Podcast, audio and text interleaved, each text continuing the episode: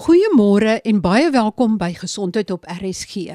Vir enkele weke, soms net 'n week of 2 in Mei en Junie, is daar 'n kans vir mense wat graag die piek van Berg Everest wil bereik om hierdie berg aan te durf. Die weer is onvoorspelbaar met sneeustortings en geweldige winde wat teen daai sneeuhange waai. Vanjaar het die berg reeds die lewe van 12 mense geëis. 'n Verdere 5 word vermis en die dodetal kan dus reeds op 17 staan. Dit is die meeste mense wat ooit al in 'n enkele bergklimseisoen op Everest gesterf het. In 2014 het die berg die lewe van 17 Sherpas geëis in 'n sneeustorting. Een van die mense wat vanjaar op Berg Everest gesterf het, is 'n narkotiseer van Kanada, Dr Pieter Swart, met familie in Suid-Afrika. Dit is vanjaar ook die 70ste herdenking van die oorwinning van die piek van Everest met die dat Tenzing Norgay en Edmund Hillary presies 70 jaar gelede die piek van Everest bereik het. Oor die redes vir die groot aantal sterftes kan net gewonder word. Party skryf dit toe aan klimaatsveranderings. Ander sê dat heeltemal te veel permitte deur die Nepalese regering uitgereik word wat dan lei tot opeenhopings in 'n gebied wat eintlik die doodsone is waar 'n mens nie met gemak kan asemhaal nie. Die Nepalese regering het vir die 2023 seisoen dit is nou 479 permitte uitgereik. Dit is die hoogste ooit. Luister nou my telefoniese gesprek met Dr Morney Foster. Hy's 'n pulmonoloog oftewel 'n longspesialis by Panorama Medikliniek en sy groot belangstelling is hoogte siekte. Ek het vinnig gaan opkyk berg ja. Everest is 8848 meter hoog wat as jy nou dink amper 9 km die lug in is. Absoluut. En dan is basiskamp 4 is 7906 hm. en hulle sê die sone van die dood is 8000 met ander woorde As jy bokant van die basiskamp 4 vertrek na die kruin toe, is jy die heeltyd in die sone van die dood. Maar hoekom is dit die sone van die dood? Is dit is die ligte dun en wat beteken dit? Ja, so hoe hoër mens bo seevlak gaan, hoe minder suurstof kry jy. So dit het maar met met drukke te doen, maar maar dit basies kom dit daarop neer dat daar minder suurstof is. So jou liggaam het 'n sekere hoeveelheid suurstof nodig en die uh, veranderinge wat aangaan in jou liggaam om aan te pas by daai hoogte verskillend by verskillende mense. Jy weet, jy kan nie mense vergelyk nie. So so sal iemand wat nie so fiks is no noodwendig beter doen bo seevlak, hoog bo seevlak as iemand wat fiks is. Mens kan nie regtig voorspel wie gaan 'n uh, hoogte siekte kry nie. Maar as jy enigiets bo 2500 meter bo seevlak, as jy daar vertoef, het jy risiko om hoogte siekte te kry. High altitude sickness. En, en dit het maar te doen oor met die hoeveelheid suurstof beskikbaar vir die liggaam. En wat is die persentasie suurstof in die lug by seevlak omtrent by 2500 of 3000 meter en dan bo 8000 meter? Op seevlak is dit om, omtrent 21%. So net om vir jou 'n voorbeeld te gee, so as 'n mens jou saturasie, dit is nou die hoeveelheid suurstof in die bloed op sê maar gesonde mens op seevlak toets dan sal dit so hier by bo 95% wees. Maar as jy die mense se saturasie toets wat op Everest bo kom, is dit onder 70% van wat dit moet wees, so 100%. So daar's baie baie minder suurstof, ehm um, omtrent 50% minder suurstof daarbo. En dit is eintlik verbasend dat mense kan oorleef. So as jy op seevlak vir iemand sê se saturasie meet en dit 70% dan dan is hy in die moeilikheid maar bo op Everest kom hulle tog klaar en hulle kom terug meeste van hulle het tog suurstof op hulle rug of wat hulle dra Correct. om hulle te help om die suurstof correct. aan te vul. Korrek, korrek. So hulle hulle hulle vul dit aan. Ek dink nie hulle kan vir hulle self genoeg suurstof gee om 100% te kry nie. Hulle vul dit beslis aan. Maar tog is daar mense wat dit sonder suurstof doen en dit is nog 'n ander uitdaging. Maar maar meeste van die mense wat daar in die, in die ry staan, het, het suurstof op. Maar die suurstof hou ook maar net so lank en dit kan soos ek sê kan nie vir hulle genoeg suurstof gee nie. So hulle is nog steeds besig om nie op 100% suurstofvlakke te funksioneer nie. Baie laag. En nou staan jy nog in die ry en wag en jy gebruik daai kosbare suurstof op, ja. dan jy al hoe minder oor om die kruin te bereik Correct. en dan moet jy nog terugkom weer by die basiskamp 4. Korrek. So natuurlik alles wat opgaan saam met jou moet gedra word. Dit en sê jy uh, Sherpa sê wat dit vir jou opdra, maar daai suurstofsilinder is op jou rug. So jy kan sekerlik baie suurstof vat, maar dan dan het jy baie gewig op jou rug en dan maak dit nog moeiliker. Ek weet elke tree wat jy gee bo op daai hoogte bo 4000 meter is is soos om omtrent om voel of jy 'n maraton hardloop. So elke tree vat verskriklik baie motivering en inspanning. So nou moet jy nog iets swaar dra op jou rug. Dit gaan nie werk nie. So hulle wil so min as moontlik suurstof maar genoeg om hulle boot te kry. En dan hou dit natuurlik nie baie lank nie. So hulle kan nie baie lank daar vertoef nie en dan kom hulle weer af. Maar gelukkig is die afkomslag die verandering wat mens voel is is redelik dramaties en vinnig. So uh, jy kan sommer elke uh, 100 meter wat jy daal, kan jy voel hoe beter voel jy. Dit klink amper of jy self daar was. ek het so maar net daar in Lesotho gaan hardloop het ons uh, ons hoogte was 3500 meter en al klaar kon ek van die van die uh, simptome ervaar. So hoofpyn, na, voel glad nie lekker nie. Dink wat gaan aan? Maar net sodra jy begin afkom en besef jy, "Joh, nou nou voel ek baie baie beter."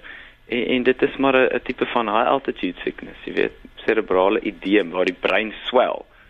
So daar's twee goeters wat kan gebeur, reg, die hoogte bo seevlak is die een is dat die brein swel en hulle is nie seker presies hoekom dit gebeur nie, maar die brein swel en dit veroorsaak hoofpyn en dit maak jou ook 'n bietjie dom.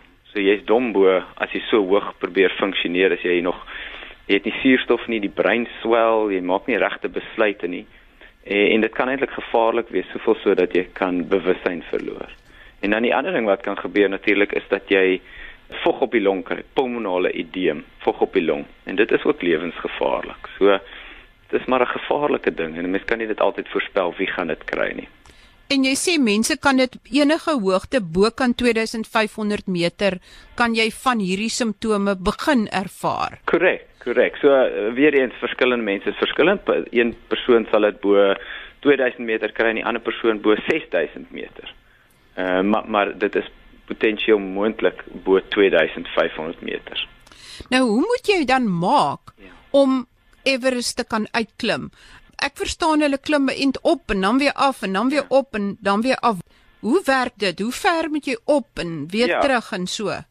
So meen daar's mense wat elke dag omtrent op en af loop. En hoe doen hulle dit? Hoe hoekom kan almal dit nie doen nie? So dit is akklimatisasie noem mense dit. So dit gebeur sommer vinnig as jy begin klim. Dan raak jou liggaam al jy vinniger asem om meer suurstof te kry en jou bloedvate trek toe. So al hierdie goeters is maar maniere vir die liggaam om te akklimatiseer of gewoon te raak aan die min suurstof. Maar dit vat tyd. So hoe stadiger mens op met die hoogte gaan of of, of hoe stadiger jy klim, hoe beter akklimatiseer jy. So wat hulle doen by Everest, hulle klim tot op 'n sekere hoogte en dan vertoef hulle daar. Hulle spandeer 'n bietjie tyd daar en dit gee vir die liggaam kans om te akklimatiseer of te gewoon te raak aan die lae suurstofvlakke. So as jy dit stadig doen, is dit doenbaar, maar die probleem met Everest is daar's nie baie tyd nie, die weer speel nie saam, daar's 'n klomp faktore. Maar as jy daar gaan bly, dan sal jy baie goed akklimatiseer. Soos byvoorbeeld die Sherpas wat daar bly. Hulle is geakklimatiseer om om daar op en af te loop sonder suurstof. En die liggaam se respons of langtermynrespons is is om rooi bloedselletjies te maak. En oor tyd het hulle genoeg rooi bloedselletjies om baie meer suurstof te dra. Al het hulle min suurstof in die bloed, genoeg suurstof word gedra na die organe toe. En dit is maar waar waar toe mens mik op 'n korttermynbasis, akklimatisasie. So sal dit help om vinniger te akklimatiseer as jy EPO gebruik soos wat Lance Armstrong gedoen het om wel die kruin te kan bereik. Ja, so maar EPO werk nie so vinnig nie, maar ja, ek ek, ek dink dit is 'n goeie idee. Ons moet maar vir almal begin EPO spuit voordat hulle Everest klim. Nee, nee, natuurlik het EPO net sy ehm um, neeweffekte of gevare.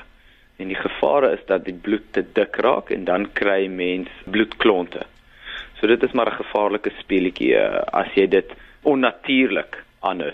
As jy natuurlik akklimatiseer, dan dan het jy nie noodwendig daai gevaar so groot nie, maar as jy met middels dit aanhou, die akklimatisasie of jou uh, bloedtelling verhoog, jou hemoglobien, dan is daar gevaar betrokke. Ek gesels nou verder met Dr Morney Foster, longspesialis verbonde aan Panorama Medikliniek en ons gesels oor lugdruk siekte. Wat is dit wat gebeur in die mens se brein en in sy liggaam as hy so hoog bo seevlak is? En hoekom is dit so gevaarlik dat dit 'n mens se lewe kan kos? Dokter Forster, as jy nou 'n Serpa wat nou meer EPO in sy bloed het ja. om meer rooi bloedselle te maak ja. wat dan beter suurstof kan dra. Ja. Is sy longe ook anderste en wat sal gebeur as jy daai persoon wat nou gewoond is om op daai hoë hoogte bo seevlak te beweeg as jy hom nou skielik na seevlak toe bring? Ja, so uh, hy sal eintlik baie goed doen by seevlak. So sy oefeningskapasiteit sal baie hoog wees. Beteken nie hy's gekondisioneer vir 'n tipe oefening nie. So soos ek weet nie hoe goed hy sal swem nie. Het die potensiaal om goed te swem, maar hy sal seker beter stap of hardloop omdat sy bene gewoond is daar daaraan. Maar maar sy rooi bloedselletjies maak dat hy suurstof beter kan dra en definitief sy oefeningsvermoë baie te verbeter. So ja, nee, hulle sal goeie sportmense wees op 'n lae lae seevlak. Sjoe, nou hardloop hulle soos ribbokke daarbo rond ja. in die in die lug en heen en weer en lê omtrent 4 maal die afstand af as wat enige klimmer af lê. Ja, ja, absoluut, absoluut. So, hulle is eintlik die heroes daarbo, maar maar soos ek sê, hulle hulle het die hulle het die voordeel om daar te bly en geakklimatiseer te wees. So en ons, jy weet, of mense, gewone mense wat klim probeer op 'n baie kort termyn of 'n kort tyd dieselfde te bereik. En, en, en dis waar die moeilikheid inkom en dit is wat dit 'n uitdaging maak. Dr Foster, as iemand nou geklim het, die baie van die sterftes het ek weer gaan kyk, ja. was die persoon klim en dan bereik hy die piek en van hulle het op die kruin gesterf en van hulle het gaan terug na kamp 4 toe ja. en dan raak hulle aan die slaap en hulle word net nooit weer wakker nie. Ja, so jy weet ek dink wat wat gebeur het is dat daai high altitude sickness al klaar teenwoordig is as hulle by die kruin kom en dat daai afkom is klaar te laat. So dit daai proses het al klaar aan die gang gekom en selfs die die wat hulle afkom is dit nie omkeerbaar nie. So met meeste mense is dit omkeerbaar, jy kom laer af en dit sal die simptome verlig, maar die mense wat sterf is dit te laat. So daai proses is al te ver aan die gang. Die daai wat die liggaam dekompenseer, so wat die edeem in die brein veroorsaak of die edeem of vog op die longe veroorsaak, dat dit al klaar begin gebeur het en dat dit as jy afkom, dit dit nie keer nie. Maar kan dit wees dat soos jy sê, hulle moet swaar dra aan die suurstof. Hulle klaar minder suurstof in hulle bloed. Ja. Dit tas hulle breine aan, dit tas hulle besluitneming aan. Absoluut, ja. Nou wil hulle ten alle koste die kruin bereik, maar eintlik het hulle nie genoeg suurstof om die kruin te bereik en weer terug te kom by kamp 4 op 'n veilige manier nie. Tas daai hoogte siekte hulle besluitneming so aan dat hulle eintlik 'n verkeerde besluit neem deur voort te gaan. Ja, absoluut. Ek, ek dink nie dis meer rasionele besluite wat geneem word daar nie deur die persoon self nie, want almal se breine swel tot 'n mate. Die en jy het te min suurstof in jou bloed, maak nie saak of jy self suurstof gebruik nie. En jou brein wat swel en nie genoeg suurstof kry nie, is definitief nie die slimste brein in die wêreld nie. En daai mense motivering is so sterk dat dit hulle besluitneming ook override of oorneem, jy weet. So hulle het nou al verlang vir vir jare of hoe lank al beplan hulle nou om om Everest te klim en hulle klomp geld spandeer en hulle sê vir hulle die persoon wat hulle opvat, luister ek moet daar uitkom ten alle koste. So daai is so diep ingesink in hulle onderbewussyn dat dat hulle hou aan ten spyte van waarskuwings of noodsyne wat die liggaam uitstuur dat dit dat dit nie die regte ding is om te doen nie en dat dit dat hulle moet omdraai. So ja, absoluut. Dit dit is nie dit sien mense oor en oor en oor hierso op Everest dat daai besluitnemingsproses is nie reg nie, maar dit is eintlik waar die gidse inkom en waar hulle daai besluite moet neem. Maar uh soos ek sê, dit is daar's 'n klomp geld en tyd en uh inspanning betrokke om daai besluit te maak. Ja, miskien moet daai besluit uit die klimmer se hande geneem word. Miskien moet die Serpas dalk net 'n verdowingsmiddels kry of 'n slaappil wat hulle hom vinnig kan inspuit en hom kan terugkry by kamp 4 voordat hy sulke mal besluite neem om voort te gaan. Ja, maar ek weet ek dink is makliker gesê as gedaan. So ek ek dink almal daarbo niemand lyk goed nie. So nou hoe besluit jy wie gaan dit maak en wie gaan dit nie maak nie? En, en ek dink dit is waar uh, elke ou vir homself moet 'n besluit maak en sê hy kan dit nie maak nie, maar maar soos jy sê daar daar moet 'n uh, iemand anders moet besluit vir en hy sê waarskynlik as dit te stadig gaan, as jy te stadig opgaan en jy het nie genoeg suurstof voor, dan moet daai besluit vir jou gemaak word natuurlik. Iets moet gedoen word om ek meen 11 sterftes in 'n jaar is is, is baie hoog. Ja, en as jy dink die vensterperiode is maar basies Mei maand en ek het gaan kyk na die statistieke, hulle sê 1 uit 25 mense wat Everest aandurf en die kruin bereik, moet bereid wees of verstaan dat 1 uit 25 gaan dit nie maak weer terug tot by die basiskamp nie. Ja, ja, ek ek meen mense, meeste mense wat so iets aanpak, weet dit.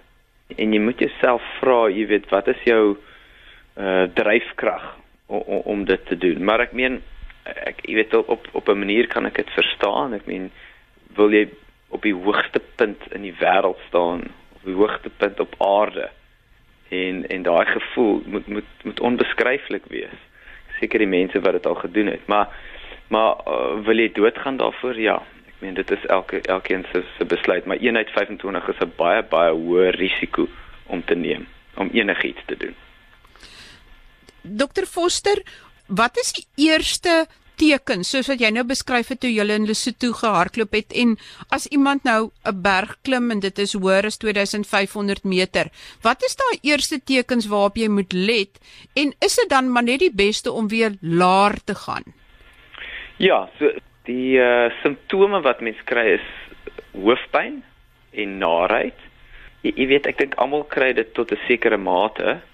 So ek ek dink nie dit behoort tekens te wees dat jy moet afgaan nie, maar dit behoort waarskuwingstekens te wees dat as die hoofpyn en die naarheid nie beter word, dat dit erger word, dan dan moet mens dink aan afgaan. So natuurlik as jy jou besluitnemings uh, proses of as jou bewussynsvlak begin afgaan. Jy weet jy raak slaperig en jy kan nie meer so vinnig loop nie. Dit is maar waarskuwingstekens, maar weer eens, daar is nie maklike uitgesproke mate wat mens kan neem om te sê jy moet nou afgaan nie. Dit is maar net die simptome wat nie verbeter nie of nie weggaan nie wat vererger. En definitief die die hoofpyn en naait is die begin van dit, maar dan die die einde is die bewussyn wat ondergaan. En uh, tussenin is dit maar dat jy mm, jou besluitneming word aangetast. So jy is jy's maar stadig en jy maak nie goeie besluite nie, jy weet. So jy het iemand nodig met wie jy kan praat wat vir jou kan sê luister jy jy funksioneer nou nie goed nie. Jy gaan moet dink om af te gaan. En dan moet jy eintlik luister as daai een praat. Ja, absoluut. Dis 'n ander storie om te oortuig om af te gaan dan né. Ja. Daai toestand. En en die pulmonale edeem, die vog op die longe, ja. kom dit gewoonlik saam met die hoofpyn en die naait of is dit heeltemal 'n ander simptoom wat Ja, so so dit dit is dit is gewoonlik 'n ander simptoom, so die uh die kort asemheid. Almal is kort asem daarbo, maar dit word erger. En as die kort asem erger word en jy begin bloederige slaim ophoes, dan dan moet jy weet dat dat dat daar water op die longe is en dat dit gevaarlik is om aan te gaan en dat jy moet afgaan. Maar ja, dit is ook 'n weer 'n lewensbedreigende ding, die die pulmonale edeem. En die vroeë teken van dit is maar net kort asemheid. Maar weer eens, so so almal is kort asem op daai hoogte. wanneer besluit jy dat dit erger word? Jy weet, so ek ek dink erger word eerder as beter word is is 'n teken. Ehm uh, maar dan ook begin bloed ophoes of 'n bloederige sekresies kry.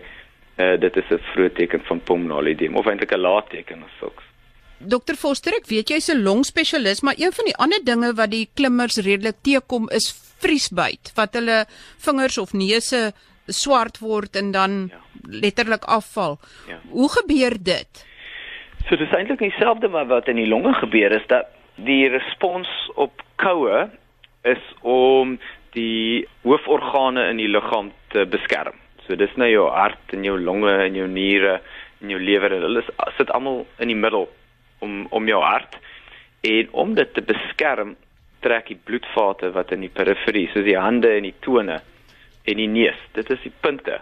Hulle trek toe en hulle hou soveel as moontlik hitte en bloed uh in die sentrale sirkulasie. So as dan nie bloed na die die punte toe gaan nie dan begin hulle doodgaan. Hulle begin ischemies of nie genoeg bloed en suurstof kry nie en dan begin hulle doodgaan. Dis basies wat gebeur. Daai swart is die vel op die punte van die vingers en die voete wat begin doodgaan omdat hulle nie genoeg bloed en suurstof kry nie. So en en dit is maar wat dit is. Sjoe, dit klink vir my nogal na vreeslike ontberings en dan moet jy nog oor leere klim wat oor verskriklike afgronde geplaas word. Ja. Wat ek wat hoogtevrees het al klaar dink nee, dankie, dis nie vir my nie buiten vir die koue. Ja. nee, dit dit is nie dit is nie vir sommer vir enigiemand om hier op te klim nie. So ja, die koue, die hoogte bo seevlak, nee, daar's 'n klomp faktore en en ek dink die mense betaal deesdae verskriklik baie geld om dit te doen, om jou lewe in gevaar te te stel. Maar daar, ek ek seker daar moet iets makliker wees om om daai gevoel te kry. Maar bo op die aarde staan weer eens, dit moet seker nog 'n belewenis wees. Ja, maar daar moet miskien gekyk word na die hoeveelheid mense, die permitte wat uitgereik word ensovoorts, dat dit nie so oorbevolking en eh, verkeersknope veroorsaak op pad na die piek toe nie. Ja, ek meen daar is 'n belaglike foto waar almal so in 'n tou staan om bo op die uh, kruin te kom dat jy kan mos dink dat daar gaan komplikasies kom. Nommer 1, natuurlik hoe meer mense iets doen, hoe, hoe meer komplikasies is daar, maar die feit dat jy moet wag in 'n in 'n tou staan of op hoogte bo seef daai hoogte bo seevlak in die kill zone en dan wag en tyd vat en nog groter gevaar ek ek meen dit moet lewensgevaarlik wees. So ek ek kan nie dink dat hulle meer permitte eerder as minder gaan gaan uitreik nie Ja, daai verkeersknoop is by Hillary se trappe ja. wat met die laaste aardbewing het daar blykbaar ook verskywings daar plaasgevind en dit is effens anders as wat dit voorheen was, maar dis nog steeds net 'n enkel gang ja. waar die mense kan op en af. Ja, so ek meen jy twee rigting verkeer op en af. So jy wag vir 'n ou wat voor jou stadig opgaan en dan miskien moet jy wag vir iemand wat afkom. Dan moet jy dit nog doen wat baie tyd vat en dit is baie jy weet baie um, vat baie inspanning. So ja, ek ek dit, dit maak nie vir my sin dat hulle so baie mense toelaat op die berg nie. Tuurlik gaan daar meer sterftes wees. Dokter Foster, as jy vir iemand wat nou beplan om 'n hoë kruin aan te durf of dit nou Kilimanjaro is en of dit in die Drakensberge is, maar sê maar of Everest, 'n kruin bo 2500 meter. Ja. Wat sou jy vir daai persoon sê? Kyk uh, hoe stadiger mense dit doen, hoe veiliger is dit. En jy moet net weet uh, dat jy met die gevaartekens weet, soos die kort asemheid, die hoofpyn, die naarheid, die bewustheidsvlak, daai goeters wat erger word, moet vroeë tekens wees. So nommer 1 is die spoed waarteen jy opgaan is baie belangrik. Dit moet stadig wees. En nommer 2 moet jy bewus wees van die die uh, risiko, die uh, komplikasies wat dit veroorsaak, die die breinedeem en die pulmonale edeem en wat se simptome dit gee sodat jy dit kan herken as dit gebeur, dan moet mens dink aan afgaan. Ek wil net vinnig 'n laaste vraagie inglip. As iemand 'n diuretikum, 'n ontwateringspil drink, sal dit help? Beslis, ja, so dit dit dit word gebruik. Hulle gebruik kortison en en waterpille om daai swelling op die brein te verminder. So dit dit het tog 'n effek en dit verminder tog daai effek van die hoofpyn en die naarheid wat deur die breinswelling ehm uh, gedoen word. Ehm um, maar dit is nie 'n behandeling as dit eers daar is nie. Die die die behandeling moet wees om laer af te gaan, die die die hoogte te verlaag. Baie dankie aan my gas vandag, Dr. Morney Foster, pulmonoloog verbonde aan Panorama Medikliniek. En ons het gesels oor lugdruk siekte of hoogte siekte soos dit ook genoem word. Besoek gerus rsg.co.za want daar's baie interessante inligting en fotos wat ek daar geplaas het as agtergrondinligting oor die gevare van Berg Everest en ook wat met die liggaam gebeur as jy so hoog bo seespieël is. Tot volgende week wanneer ons weer oor gesondheidsake gesels. Baie groete van my, Marie Hudson.